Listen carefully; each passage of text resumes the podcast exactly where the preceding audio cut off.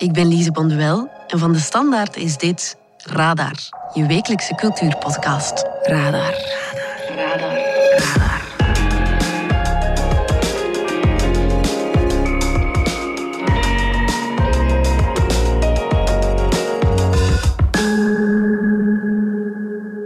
like I am a god, everybody says, Who does he think he is? I just told you who I thought I was a god. Kanye West. We kennen hem van zijn controversiële en megalomane uitspraken. I am the number one most impactful artist of our generation. I am Shakespeare in the flesh. Van zijn poging om president te worden. When I run for president in 2024, we're going to definitely know what y'all laughing at. Maar los van het ongeleide projectiel dat hij is,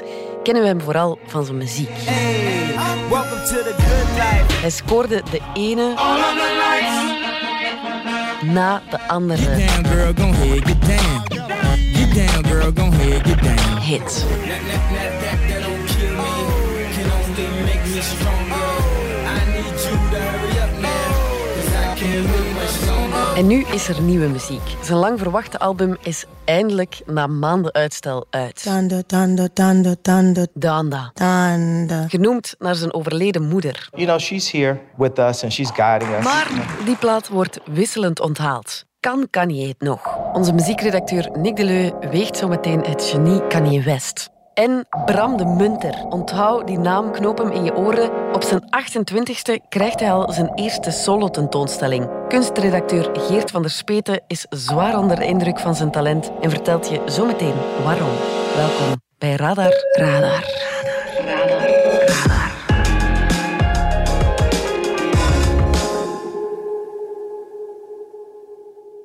Nick Deleu, Kanye West, of moeten we ondertussen al je zeggen? Zolang hij op Spotify nog Kanye West heet, gaan we hem Kanye West blijven noemen. Ja. Alright. Wel, Kanye West heeft eindelijk zijn nieuwe plaat uit, Donda. Maar ja, Kanye West zou natuurlijk Kanye niet zijn zonder dat te doen met een vertraging van 401 dagen. Wat dacht jij toen hij eindelijk uitkwam? Ja, het is een beetje het, eh, het verhaal van The Boy Who Cried Wolf. Elke keer als er iemand zegt er komt een wolf aan en dan komt de wolf niet, dan geloof je het de vierde, vijfde keer ook niet meer. En eh, bij, bij Kanye begon het stilaan daar naartoe te gaan. Dus er was weer een luisterevenement in een groot stadion in Amerika. En de voorgaande twee keer dat hij zo eentje georganiseerd had, beloofde hij. En dan volgde het album. En dan kwam het album niet. Dus dachten we ook nu van het zal wel niet komen. Maar eh, op een uh, zondagnamiddag was het daar plots. Een schone zondagnamiddag.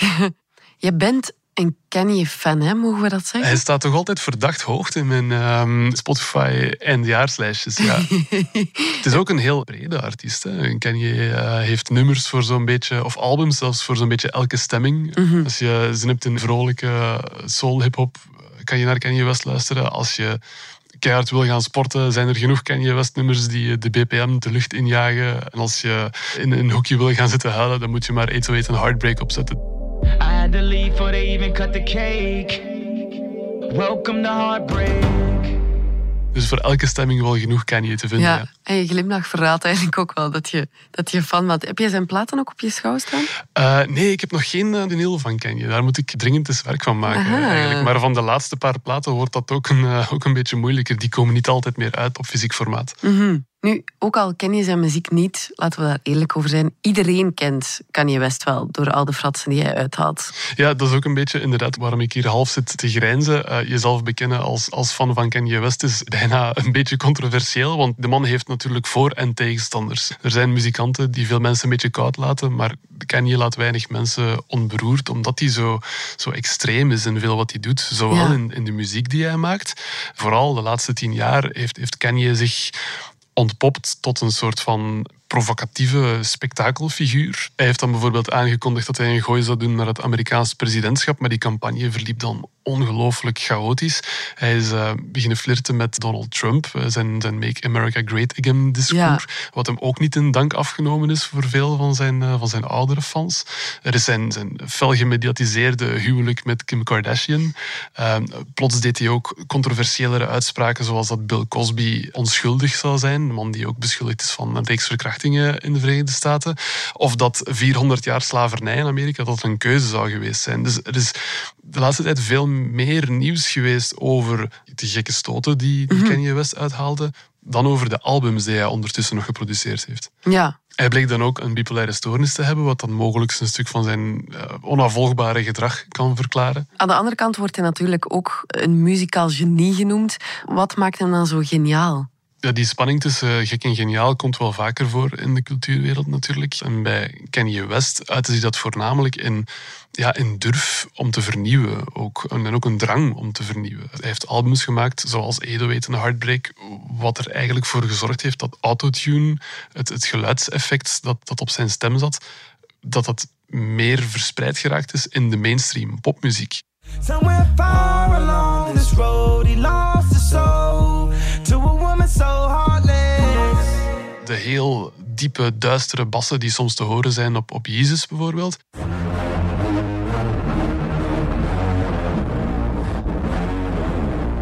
Ja, die hoor je nu nog altijd. Muziek van Billie Eilish bijvoorbeeld, die ook zeer hard drijft op enkel en alleen die basklank. I wanna end me.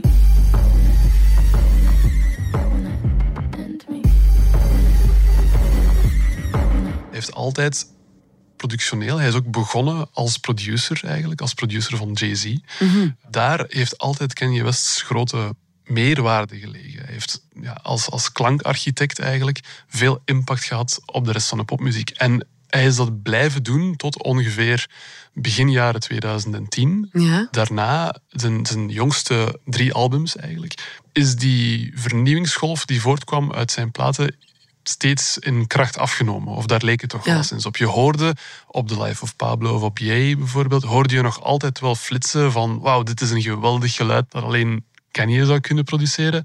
Maar dat was steeds korter. En ja, op die manier werden die platen ook iets minder bevredigend. Mm Waar Kanye West ook altijd zeer goed in geweest is, is het spotten van talent, ook buiten zijn eigen niche. Op uh, My Beautiful Dark Twisted Fantasy bijvoorbeeld, daar dook plots Bon Iver op. I'm up in the I'm down on my mind. Die wij op dat moment vooral kenden als, als die mens met zijn lange baard in zijn blokhut, die volkliedjes maakte. En plots stond hij met Woods, een sample uit Woods, stond dan plots op de belangrijkste hip-hopplaat van dat jaar. I'm lost in the world.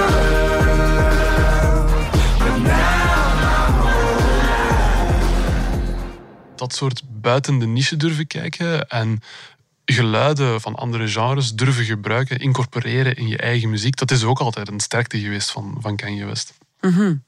En maakt hij dat dan waar ook op zijn nieuwe album? Die muzikale genialiteit? Bij momenten wel. Ehm, en dat is eigenlijk al meer dan we kunnen zeggen over The Life of Pablo of Yes en de vorige twee albums. Daar waren die flitsen altijd zeer kort die we hoorden. En nu staan er nummers op dat album zoals Believe What I Say, waar hij als fanaat eigenlijk een sample van Lauren Hill gebruikt. Daar een geweldige baslijn onder zet en er echt een mooi nummer mee maakt. You need something unexpected. Stunt from a weapon. You ask him to feel protected. And still feel protected. Ook New Again, dat ja, zo'n beetje Daft Punk-achtige synthesizers. Daarover dan die hip-hop werkt zeer goed. En Jonah is, is ook een heel mooi, brouwvol nummer waarvoor hij uh, de Texaanse singer-songwriter Vory inschakelt, die ook echt een ontdekking is.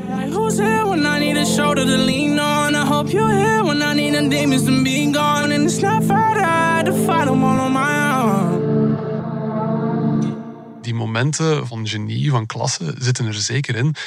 Alleen kan ik zo een, een zes à zevental nummers uit het album halen. En staan er 27 nummers op de volledige plaat. voor een uur en 48 minuten lang. Ja, inderdaad. Dus het is een behoorlijk uh, vermoeiende luisterervaring om in één keer te doen. Ik zou het ook niet noodzakelijk gaan aanraden, tenzij je echt een heel grote Kanye-fan bent en je wilt echt in die puzzel duiken. Want het is wel een puzzel. Er is heel veel om uit te gaan pakken in dat album. En, en echte Kanye-aficionado's, die gaan er ook heel veel in ontdekken of in kunnen ontdekken. Maar als je op zoek bent naar gewoon leuke muziek of zien van hoe zit het met de nieuwe Kanye en kan ik die in de auto opzetten, dan stel ik voor dat je er een aantal nummers uitpikt en in een aparte playlist zet. Ja, of tenzij je een heel lange trip voor de boeg hebt. Ja, inderdaad. Ja, want je hebt hem onverbiddelijk een 2 op 5 gegeven.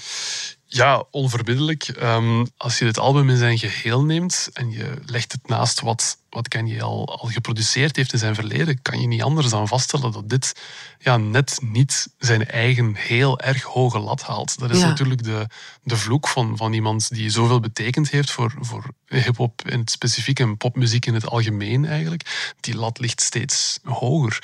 En als je dat dan optelt bij ja, al, die, al die fratsen die hij de afgelopen jaren heeft uitgehaald, Ja. dan, word je, dan denk ik dat je als fan ook misschien iets minder vergevingsgezind wordt. Ja. Ehm, zoals, zoals zeiden in het begin, als je zegt dat je, dat je fan bent van Kanye West, dan krijg je daar altijd wel een reactie op. Op de duur wordt het ook moeilijker om hem te blijven verdedigen. En bij elk nieuw album hoop je dan van dit is het album waarop hij dat terug gaat vastpakken. Dat voelde ik zelf minder bij dit album. Mhm. En er is ook veel te doen rond het feit dat de baby, toch wel berucht voor zijn homofobe uitspraken, en ook Marilyn Manson, beschuldigd van misbruik, ja, die zijn ook op zijn plaat beland. Marilyn Manson zingt We are liars. Dat God zijn borgsom wel zal betalen. Wat natuurlijk gezien de beschuldigingen tegen Marilyn Manson ja, compleet van de pot gerukt is eigenlijk. En dan kan je wel vragen stellen bij de keuzes die, die Kanye West maakt. Ehm, de bijdrage van Marilyn Manson aan dat nummer is behoorlijk beperkt. Hij levert eigenlijk een tweede stem voor een refrein. De bijdrage van de baby, zijn tekst staat volledig los van waar de rest van het album over gaat.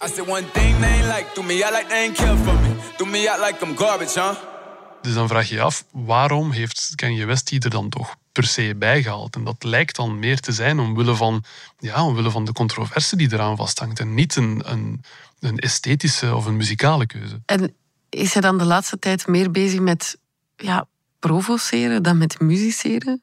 Ik denk dat we kunnen zeggen dat de focus van Kanye West al een tiental jaar niet meer uitsluitend op muziek zit. Hij heeft bijvoorbeeld zeer veel energie geïnvesteerd in zijn modelabel, Ja. zijn Yeezy sneakers samen met, met Adidas.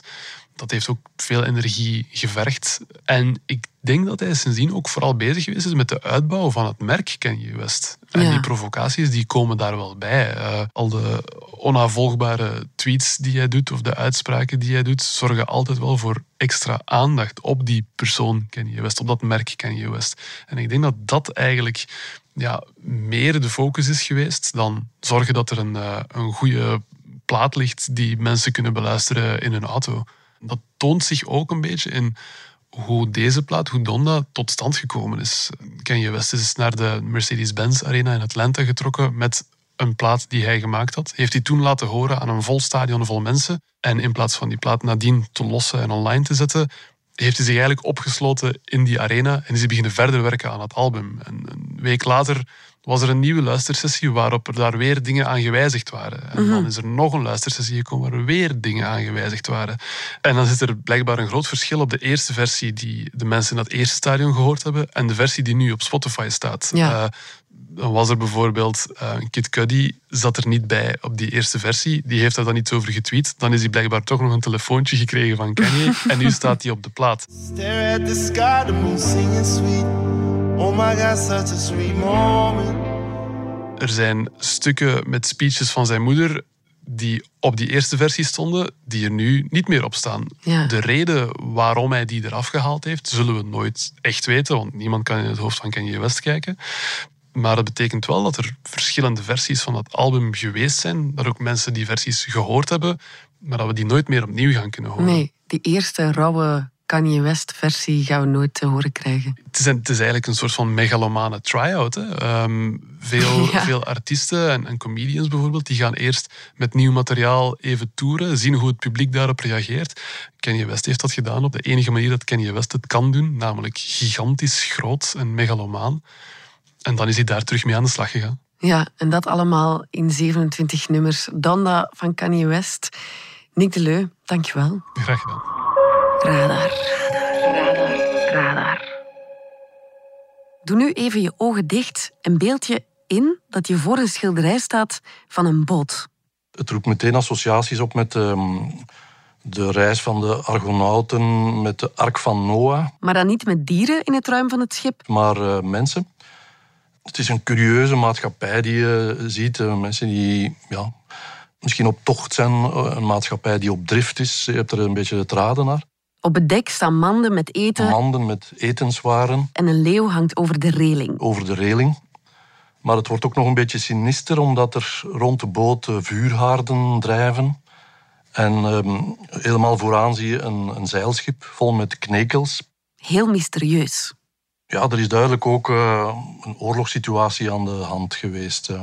Het zijn vlammende kleuren. eh. hij is eh, heel erg bezig geweest met eh, gedetailleerd eh, de zee op te roepen. Een, een kolkende zee waar een boot door klieft. Opvallend vind ik ook dat eh, de randen van het schilderij, dat het, de kleuren een beetje uitwaaieren. Alsof hij lijkt te zeggen, het, het gaat nog verder buiten de lijst van het schilderij. Ja, hij heeft de mooiste bariton van de hele redactie, dus we zijn ongelooflijk blij dat hij bij ons in de studio zit. Geert van der Speten. Geert van der Speten, kunstredacteur bij De Standaard. Je beschrijft hier een werk met als titel Understory, eh, dat Bram de Munter helemaal typeert. Je neemt ons mee in zijn wereld. Hij is amper 28, ja, even oud als ik eigenlijk. Maar hij krijgt nu wel al een solo-expo in galerie Tim van Laren. Ja, uitzonderlijk, eh, denk ik. Zeker als je het vergelijkt met de grote boegbeelden van de schilderkunst als Michael Bormans en eh, Luc Tuymans. Michael Bormans was een laadbloeier. Eh, Luc Tuymans heeft een heel lange incubatieperiode nodig gehad voor hij met zijn eerste tentoonstelling naar buiten kwam. Maar aan de andere kant, eh, de tijd is ook wel rijp om zo'n jonge schilder meteen te lanceren, want hij, maakt deel uit van een hele lichting straffe schilders die er op dit moment zijn, de jongste vijf jaar naar buiten gekomen zijn. Ik noem een paar namen op. eh, Ben Sletsens, eh, Charline Tiberghien, die eh, in 2018 tot beste jonge Europese schilder zelfs werd uitgeroepen toen ze pas van de academie kwam. Bent Eikermans, Casper Bosmans, Shirley Villavicenzio Pizzango, een kunstenares die in Gent is neergestreken, Joël Dubois. Dus er zijn heel wat figuren die op dit moment opvallen. Je zou kunnen zeggen, het is een herontdekking van de schilderkunst, maar ook dat is een boetade, want de schilderkunst is natuurlijk nooit weg geweest. En wat maakt de tijd zo rijp? Omdat die figuren waar Bram de Munter toe behoort, in een heel herkenbare stijl schilderen. Ze hebben allemaal hun, hun eigen typische stijl. En wat een beetje weg is, is de ironische afstandelijkheid die zo lang bij schilderkunst aanwezig is geweest. Je schilderde, maar je, je wou ook laten zien dat het beeld een beetje te wantrouwen was. Dat hebben we denk ik aan Luc Tuymans eh, te danken. Het wantrouwen van het beeld zit helemaal ingebakken in zijn, eh, in zijn schilderkunst. hè. Dus nu heb je terug het plezier van het schilderen, denk ik. Het vertellen, het fabuleren. Ja. En eh, Bram de Munter is daar een voorbeeld van bij uitstek. Ja, ja als je een foto van hem bekijkt, ehm, het is precies een lookalike van, van Bob Ross. Hello, I'm Bob Ross. Dat is die Amerikaan die ongelooflijk populair is geworden met het schilderen van ja, die waanzinnig gedetailleerde natuurschilderijen in amper een half uur tijd op tv. We don't make mistakes. We have happy accidents. Zo met die krullen. Maar bij de Munter ja, krijg je gelukkig geen uh, kitsch tafereelen zoals bij Bob Ross. Ja, net als eh, Bob Ross heeft hij wilde krullen. Maar daar stopt een beetje de vergelijking, denk ik. Het is een ehm, vrij bedeesde jongen die ik ben gaan opzoeken in zijn atelier. Hij heeft een ehm, heel merkwaardige opvatting daarover. Hij wil dus heel veel ruimte om zijn schilderijen eh, te kunnen eh, realiseren. En daarvoor maakt hij gebruik van kantoren van de federale overheid, die hij via een kraakovereenkomst betrekt. Zo Ah, zo anti-kraak. Anti-kraak, ja. En eh, zo heeft hij dus een tijd lang in Knokke-Heist gewerkt. Wat zijn inspiratie van de zee misschien eh, Ah, ja. verklaart. Nu eh, heeft hij een atelier in Temse. Dat zijn weinig hippe plekken, denk ik. Meestal zoeken kunstenaars toch wel Brussel of Antwerpen op. Dat zijn bij uitstek toch de plekken waar je een atelier wil om dicht bij de kunstwereld te zitten. Ja, en hoe was het om in zijn atelier rond te lopen? Ja, je stapt een kantoorgebouw in met TL-verlichting. En ehm, toen ik er was, ehm, stonden de werken klaar om ingelijst te worden. Die stonden eigenlijk gewoon leunend tegen de muur. Ja, je, je krijgt zo de indruk dat een kunstenaar echt in een binnenwereld leeft. eh. Ja. Maar je ziet wel dat iemand in zo'n leefwereld ja, binnengedrongen is. Het hoofdzaaltje van het kantoorgebouw had hij echt ingericht als zijn eh, atelier. Dus daar eh, schilderde hij zijn werken. En daar zag je wel nog de verfvlekken op de muur, de verf die hij uitgeprobeerd had. Het was eigenlijk nog de sfeer van een atelier te vinden. Maar niet zoals wij het eh, traditioneel voor ogen hebben. Een romantisch beeld van een atelier waar kunstenaars als eh, Rothko of eh, Cézanne hun inspiratie hebben gevonden. Ja, Hij is een absolute verzamelaar van prularia, dingen die hij ook vindt op straat, stenen. Dus er stonden rekken met allerlei spullen. En ook een gigantische bibliotheek. Hij is voortdurend aan het lezen en die belezenheid, uh, daar heeft hij het ook zelf graag over. Hij heeft een heel gevarieerde smaak. Oude verhalen interesseren hem bijzonder, uh, denk ik. Maar je ziet dat hij ook heel goed op de hoogte is van de kunstgeschiedenis. Dat, Ja. dat ademt uit zijn werk. Het is een oude ziel in een jong lichaam. Ja, precies. En wat vind jij interessant aan zijn werk? Maar het is ehm, zo dat hij een gesprek aangaat met de kunstgeschiedenis, denk ik, en, en erop voortbouwt. Dus zijn, zijn werk zou je kunnen zien als illustraties bij de antieke mythes, ehm, heldenepossen, reisverslagen van ontdekkingsreizigers. Maar tegelijkertijd nodigen ze ook uit tot een, een vertaalslag naar vandaag. Het zijn, het zijn allegorieën eigenlijk. Ze gaan over vandaag, over eh, onze moeilijke relatie met de natuur, de maatschappij die op drift is. Vaak eh, komen ook tuinen aan bod, dus hij grijpt heel sterk terug naar natuurmetaforen. En die tuinen zijn dan bij hem zo de besloten hofjes uit de middeleeuwen. Ja. Maar ook de paradijstuin, de Perzische tuin die hij aanhaalt, de tuin van goed en kwaad. Ja. Daar speelt hij allemaal mee met die referenties, maar tegelijkertijd confronteert het ons met, eh, met vandaag. ja, want zijn werk doet mij ook wel wat denken aan het werk van de Vlaamse primitieven. Ja, dat klopt. En misschien zelfs nog vroeger. Hè, de, de miniaturisten eh, die boekverluchtingen eh, maakten. Met houterige figuurtjes. Ja. Bij de Vlaamse primitieven zitten we al meer bij de levendige eh, portretkunst eh Ja. bijna. De, levendige landschap. Hij gaat terug naar de heel statische figuren. Byzantijns-christelijk. Ja. Maar evengoed zitten er eh, verwijzingen in naar Egyptische kunst, Oosterse afbeeldingen. Hij flirt zelf ook graag met Ensor. Mm. Hij gebruikt dan het voorbeeld van de, het strand van Oostende, wat Ensor is, heeft geschilderd met allemaal kleine figuurtjes erin. Je ziet ook zijn voorkeur om schilderijen heel vol te maken. Ja, ja. Hij wil, zegt hij zelf, de, de veelheid oproepen. Dat verklaart misschien ook die prularia in zijn eh, atelier. Ja, klopt. Zeker. Niet dat hij die letterlijk eh, aan bod brengt, maar eh, je vindt bijvoorbeeld eh, zijn manie om, om stenen te verzamelen kwam in een werk ook aan bod dat geology heet. Het lijkt alsof we spitten in de grond eh, waar allerlei dingen eeuwenlang zijn eh, bewaard gebleven. En als hij gaat wandelen, krijgt hij onmiddellijk zo'n beelden voor zich, zegt hij. Eh, Ah, van wat hij dan gaat schilderen. ja. En raakt zijn werk jou ook? Ja, je staat wel paf van de virtuositeit ervan, denk ik. En vooral, je bent geïntrigeerd eh, naar, naar het verhaal dat hij vertelt. De emotionele laag, ja, daar ik een beetje het raden naar. Of je verbluft bent door schoonheid of zo. Maar het is intrigerend werk. Ja. Dat is het in elk geval. Ik kan er heel lang naar zitten kijken. Ja. Nu, hij wordt nu de coming man van de Vlaamse schilderkunst genoemd. Dat is wel een serieuze verwachting om in te lossen. Is dat slimme PR van zijn galerie? Of denk je dat die claim terecht is? Ja, zijn galerie zit er zeker eh, voor iets tussen. Eerst en vooral is er de bus geweest in de kunstwereld zelf. Verzamelaars stonden aan zijn deur. Het begint meestal met een bus in de kunstwereld. eh, Een naam die rondgonst. eh, Verzamelaars die geïntrigeerd zijn en die er snel willen eh, bij zijn. Hij heeft eerst in groepstentoonstellingen viel zijn werk al meteen op. Kleine anekdote. In 2017 was er in Extra City in Antwerpen een tentoonstelling over burgerschap waar zijn werk ook aanwezig was. Maar je vroeg je toen af, het is een beetje een vreemde eend in de bijt. Gaat Ja. dit wel over burgerschap? Maar onze eindredacteur was meteen getriggerd door het werk. eh, en toen het artikel over die tentoonstelling verscheen, stond het op de cover. Ja. Dus je ziet, mensen grijpen eh, naar het beeld. Ja, zo is hij eh, in groepstentoonstellingen opgedoken, recent nog in Watou. Eh, zat bij de lichting van jonge kunstenaars daar. En ehm Wiels heeft een tentoonstelling gewijd aan kunstenaars die tijdens de lockdown in hun atelier hard gewerkt hebben. Ja. En daar was hij een van de boegbeelden van. Hij kreeg eh, bij de presentatie van Regenerate in Wiels eh, vier werken waarmee de tentoonstelling opende. En ja, was daar een van de blikvangers. ja. En hoe doe je dat eigenlijk, doorbreken in de beeldende kunst? Je hebt een goede galerie nodig, denk ik. En ehm, ja, Tim van Laren staat erom eh, bekend dat hij geïnteresseerd is in totaalkunstenaars. Hè, die zo echt in hun werk duiken. Die, hun werk is hun leven. En Tim van Laren kiest ook voor heel eh, figuratieve kunst. Ja. Narratieve werken. Eh, ik geef een paar voorbeelden. Rinus van de Velde. Ja. Cathy Hek, die behoren tot zijn stal. En hij kan het met een heel grote gedrevenheid doen. En ik denk dat dat voor jonge kunstenaars interessant is dat een groot deel van de communicatie overgelaten wordt aan een, uh, een galerie die uh, een breed uh, netwerk heeft en Ja. een grote naam heeft. Maar je hebt ook wel een portie geluk nodig. Ja, ik denk het wel.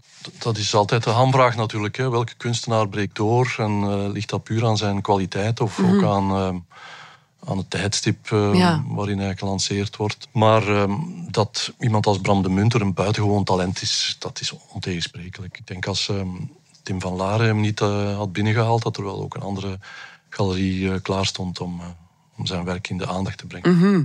Ja, het werk van Bram de Munter is nog tot en met dit weekend te zien op het kunstenfestival Watu. En zijn solo-tentoonstelling in Tim van Laren Gallery loopt tot en met 9 oktober. Geert van der Speten, dankjewel. De suggestie van de chef. Afsluiten doen we elke week met een suggestie van de chef cultuur van de standaard, Lieve van de Velde. Deze week ben ik mezelf een beetje aan het verliezen in een roman die eh, vorige maand of anderhalve maand geleden uitkwam. Eh, in Nederlandse vertaling eh, klinkt de titel als eh, Tot de dood ons scheidt. Should we stay or should, should we go in het Engels. Het is een roman van Lionel Shriver, de schrijfster van We Need to Talk About Kevin. Wel een bekende roman. En deze is een hele eh, intrigerende premisse. En ik denk ook wel iets waar veel mensen op café en zo graag over praten. Het gaat over een koppel van 50 die besluiten om, op dat moment besluiten om een pact te sluiten om op hun tachtigste een pil te nemen en er dan uit te stappen, dus uit het leven te stappen. Omdat, zeggen ze, ehm, al wat erna komt riskeert alleen maar keihard bergaf te gaan. En eh, daar komen dan verschillende gedachten en eh, scenario's bij. En eh, ja, dingen die je doen nadenken over wat is het leven waard. Ik was in begin juli op de trein met mijn vader op weg naar Amsterdam. Mijn vader is een tachtiger. Ik ben een vijftiger. En wij hadden allebei de krant bij. En we waren allebei de letteren aan het lezen. En we hadden allebei op ons tafeltje die pagina open liggen op dat boek. En ik zag hem lezen en hij zag mij lezen. En hij zei op een bepaald moment dat is precies wel straf, hè. En eh, ik vond dat een heel raar moment, omdat hij, hij zat eigenlijk op het moment waarop dat zij uit het leven zouden stappen en ik zat op het moment waarop dat ze hun pact sluiten. En eh, hij heeft mij dan dat boek cadeau gedaan eh, vorige maand. En ik ben daar nu begonnen.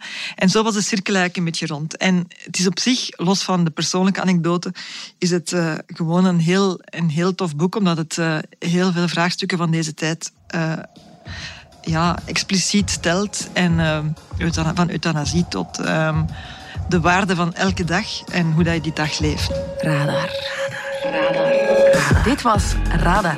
Bedankt voor het luisteren. Reageren kan via podcast.standaard.be. Alle credits vind je op standaard.be-podcast.